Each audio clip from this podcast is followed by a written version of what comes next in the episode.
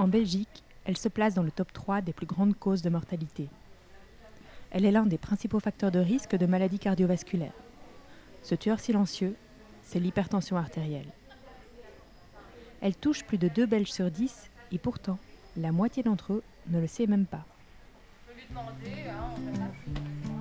Enchanté. Bonjour docteur Bonjour.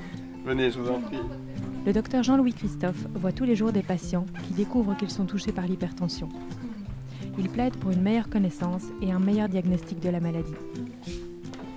Bienvenue. Installez-vous. Je vous en prie. Avec lui, j'ai voulu aborder quelques idées reçues sur cette maladie que tout le monde gagnerait à mieux connaître. Je m'appelle Jean-Luc Christophe, je suis néphrologue et je travaille essentiellement au grand hôpital de Charleroi. Et dans la néphrologie, l'hypertension artérielle occupe une bonne part de mon activité.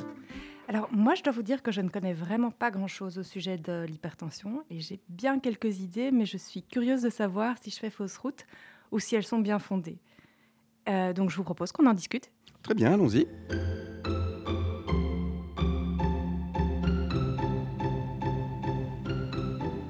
Alors on commence. Idée reçue numéro 1. Il me semble que si j'avais de l'hypertension, je le saurais, non? Et vous le sauriez comment? Je sais pas, je, le sentirais, je me sentirais pas bien, j'aurais des problèmes de santé. Alors c'est un des gros problèmes de l'hypertension artérielle, c'est que euh, elle est justement asymptomatique, comme on dit, euh, c'est-à-dire qu'elle donne très très peu de symptômes et je vois régulièrement des gens qui ont 19 de pression artérielle dans mon cabinet de consultation et qui se sentent comme le pont neuf, qui n'éprouvent absolument aucun symptôme particulier. Mais euh, 19, c'est vraiment beaucoup. Environ un quart de la population belge a de l'hypertension artérielle et justement, et notamment parce que euh, cette hypertension est asymptomatique, seule la moitié en est consciente.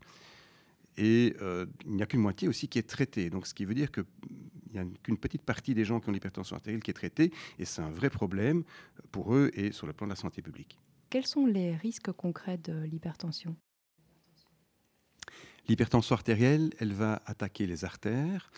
Et euh, si euh, elle peut continuer à euh, saper les, les artères au fil des années, elle risque d'entraîner des problèmes cardiaques, infarctus du myocarde, insuffisance cardiaque.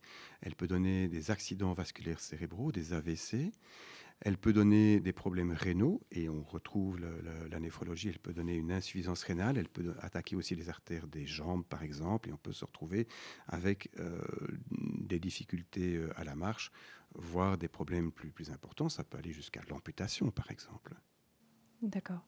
Et certains patients qui en arrivent à avoir ce type de problème, parfois ne savaient pas qu'ils étaient hypertendus. Exactement, d'où l'importance du dépistage et de la prise en charge correcte dans- si effectivement l'hypertension artérielle est euh, révélée. L'hypertension, ça veut dire que le sang circule trop vite dans les veines? Ça veut dire que le sang circule à trop haute pression, hein, donc on parle de pression artérielle, ce qui est probablement un terme plus correct que tension artérielle. Quand le cœur se, se contracte, c'est un petit peu comme un, soufflet de, cheminée, si vous voulez. hein. Donc il y a une phase où le cœur pompe euh, le sang dans les artères. Il y a évidemment dans ces tuyaux que sont les artères une pression qui va monter. Et puis au moment où le cœur se relâche pour reprendre du sang et le repomper euh, ensuite une nouvelle fois, ben, la pression dans l'artère va diminuer. Et donc ce qu'on mesure, ce qu'on appelle donc la pression artérielle systolique et diastolique, c'est la pression maximale dans l'artère au moment où le cœur envoie le, le flux sanguin et la pression minimale dans l'artère au moment où le cœur est en train de reprendre du sang avant de le repomper de nouveau. Donc le premier chiffre, c'est la pression systolique. Oui, Et le deuxième chiffre, c'est la pression diastolique. diastolique, exactement. D'accord. Alors qu'est-ce qu'on doit recommander euh, aux, patients qui souffrent d'hypertension, mais qui le sachent ou qui ne le sachent pas encore Donc la première chose, c'est effectivement le dépistage. Donc c'est qu'il faut mesurer sa tension artérielle, euh, même si on se sent bien.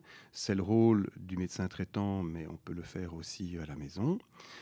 Euh, à partir du moment où une hypertension artérielle euh, est décelée, euh, il est important de suivre les conseils du médecin qui vous prend en charge, le médecin généraliste, certainement dans, dans, un premier temps, et de vérifier que ce qu'on met en route pour améliorer la tension artérielle est efficace, c'est-à-dire de continuer à mesurer sa tension artérielle. Donc vous me conseillez de prendre rendez-vous avec mon généraliste pour vérifier ça?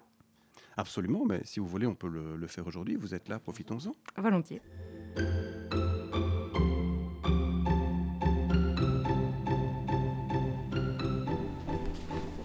Voilà, asseyez-vous, je vous en prie. Il faut d'abord être dans de bonnes conditions. Voilà, vous êtes bien relax. C'est-à-dire bien au repos. Ça ne sert à rien de prendre une tension artérielle à la va-vite. Il faut s'asseoir et la mesure doit être normalement prise après 5 minutes en position assise. Il ne faut pas qu'il fasse trop froid. Il faut euh, être au calme dans une ambiance sereine. Ce n'est pas le moment de penser à euh, ce qu'on devra faire euh, en sortant du, du, bureau du médecin. Alors vous avez 120, 84, autrement dit 12, 8,5 qui est une bonne tension, impeccable en tout cas pour la systolique. Diastolique un tout petit peu haut, donc euh, c'est pas encore pathologique, c'est pas encore euh, mauvais, mais euh, à vérifier quand même dans l'avenir. Ok.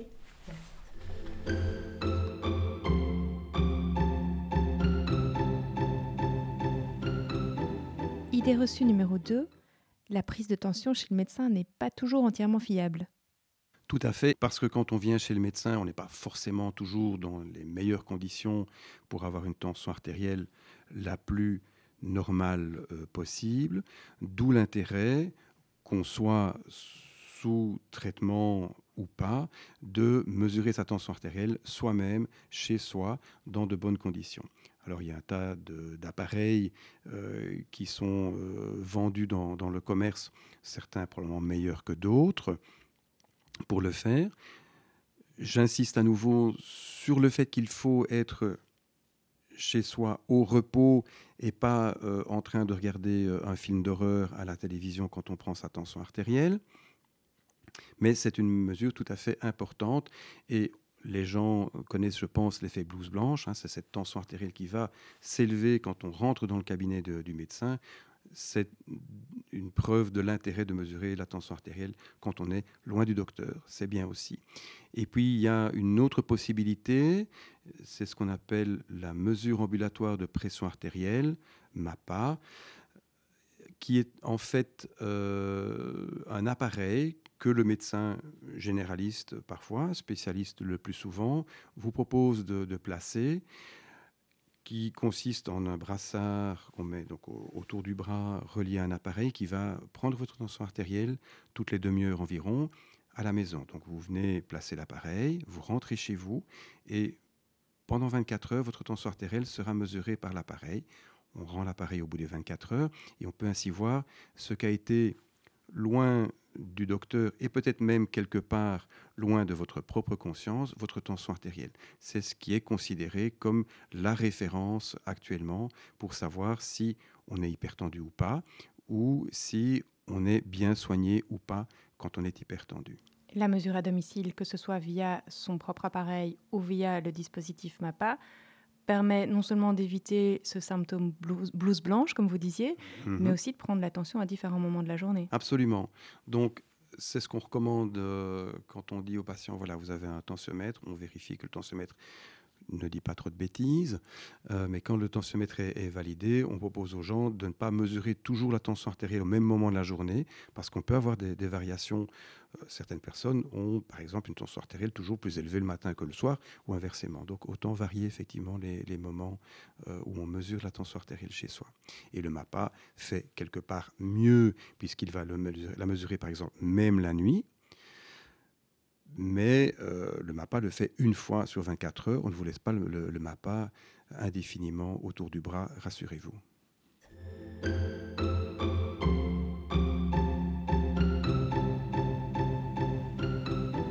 Idée reçue numéro 3. L'hypertension ne touche que les personnes âgées.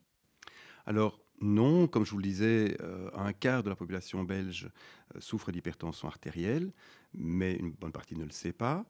Euh, il y a une série de facteurs génétiques qui peuvent expliquer cette hypertension artérielle. Si vos parents sont hypertendus, vous avez plus de risques d'être hypertendu vous-même.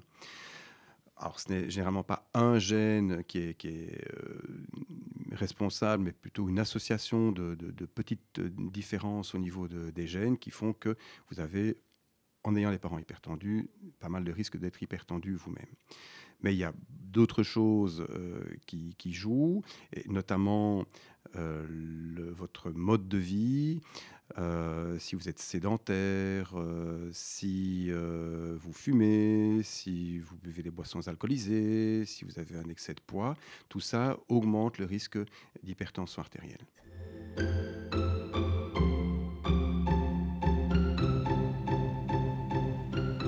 Idée reçue numéro 4.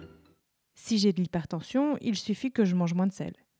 Tout dépend du degré de l'hypertension artérielle. De toute façon, il est important effectivement de modifier une série de choses euh, pour déjà en soi améliorer l'hypertension artérielle, avant même de penser euh, à mettre des médicaments en route. On mettra des médicaments en route si l'hypertension artérielle est d'emblée trop importante ou si on doit constater un échec de ce qu'on appelle les mesures régionodiététiques. Parmi celles-là, il y a la réduction du sel alimentaire. Alors, il est illusoire de, et on ne demande plus de baisser drastiquement les apports en sel, mais le Belge moyen consomme vraiment beaucoup de sel, et donc il y a certainement moyen de faire euh, des efforts sur les, apports en sel, et on recommande d'habitude environ 6 grammes de sel par jour, ce qui n'est déjà pas évident dans notre euh, monde contemporain. On recommande aussi de bouger davantage au moins deux fois une demi-heure par semaine, plus c'est mieux. Et bouger, ça ne veut pas dire euh, aller dans la salle de sport, mais ça veut simplement dire de marcher, de, prendre moins sa, voiture, si possible de faire du vrai sport, je vais dire, euh, c'est encore mieux.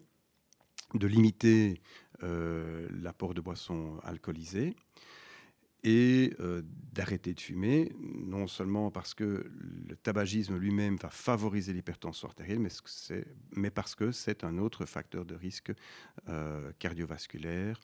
L'hypertension artérielle abîme les artères, le tabac abîme les artères, le diabète peut abîmer les artères, etc. Donc il faut tout prendre en, compte et tout prendre en charge aussi, essayer d'améliorer un maximum pour éviter les ennuis dans l'avenir.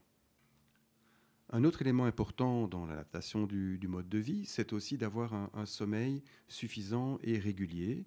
De plus en plus euh, d'études euh, démontrent maintenant que ce, ce, bon sommeil réparateur, suffisamment long, est un facteur qui permettra de réduire justement le risque des accidents cardiaques et vasculaires dont on parlait tout à l'heure. Donc si je comprends bien, dans certains cas, une simple adaptation du mode de vie est suffisante, mais dans d'autres cas euh, plus avancés, on va dire, il est nécessaire de prendre un médicament dans ces cas-là. Absolument.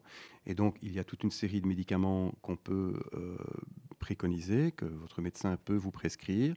J'imagine que si on arrive à prendre un médicament, l'adaptation du mode de vie reste toujours indispensable.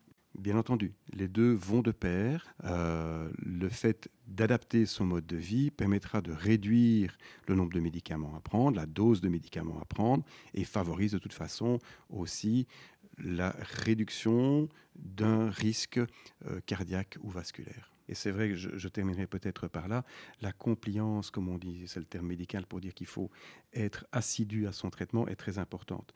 Euh, c'est un des gros problème d'échec dans le traitement de, l'hypertension artérielle, c'est au final le patient qui ne prend pas correctement son, médicament. On peut donner tous les médicaments de la Terre. Si le patient ne les prend pas ou les prend mal, ce sera pas efficace. Ok, très bien. Merci beaucoup, docteur Christophe. C'est beaucoup plus clair pour moi. Donc, je retiens trois choses principales. L'hypertension peut toucher tout le monde et la plupart du temps, elle ne provoque pas de symptômes, mais pourtant, elle peut entraîner des maladies cardiovasculaires graves et parfois même fatales. C'est pour cela que tout le monde doit mesurer sa tension artérielle chaque année dès l'âge de 18 ans. C'est exact. Deuxièmement, en cas d'hypertension, il est très important d'adapter son mode de vie et d'envisager les options médicamenteuses avec son médecin si c'est utile. Et enfin, si on doit suivre un traitement médicamenteux, il est capital de le prendre régulièrement, sinon ça ne sert à rien. C'est tout à fait ça. D'ailleurs, la prochaine fois, c'est moi qui viendrai faire l'interview chez vous. Vous avez vraiment tout bien compris. Merci au docteur Jean-Louis Christophe d'avoir répondu à mes questions. Si vous voulez en savoir plus au sujet de l'hypertension, rendez-vous sur pressionartérielle.be et informez-vous auprès de votre généraliste. Ce podcast a été réalisé pour les laboratoires Servier et est une production SoundsGood en collaboration avec Alice Podcast.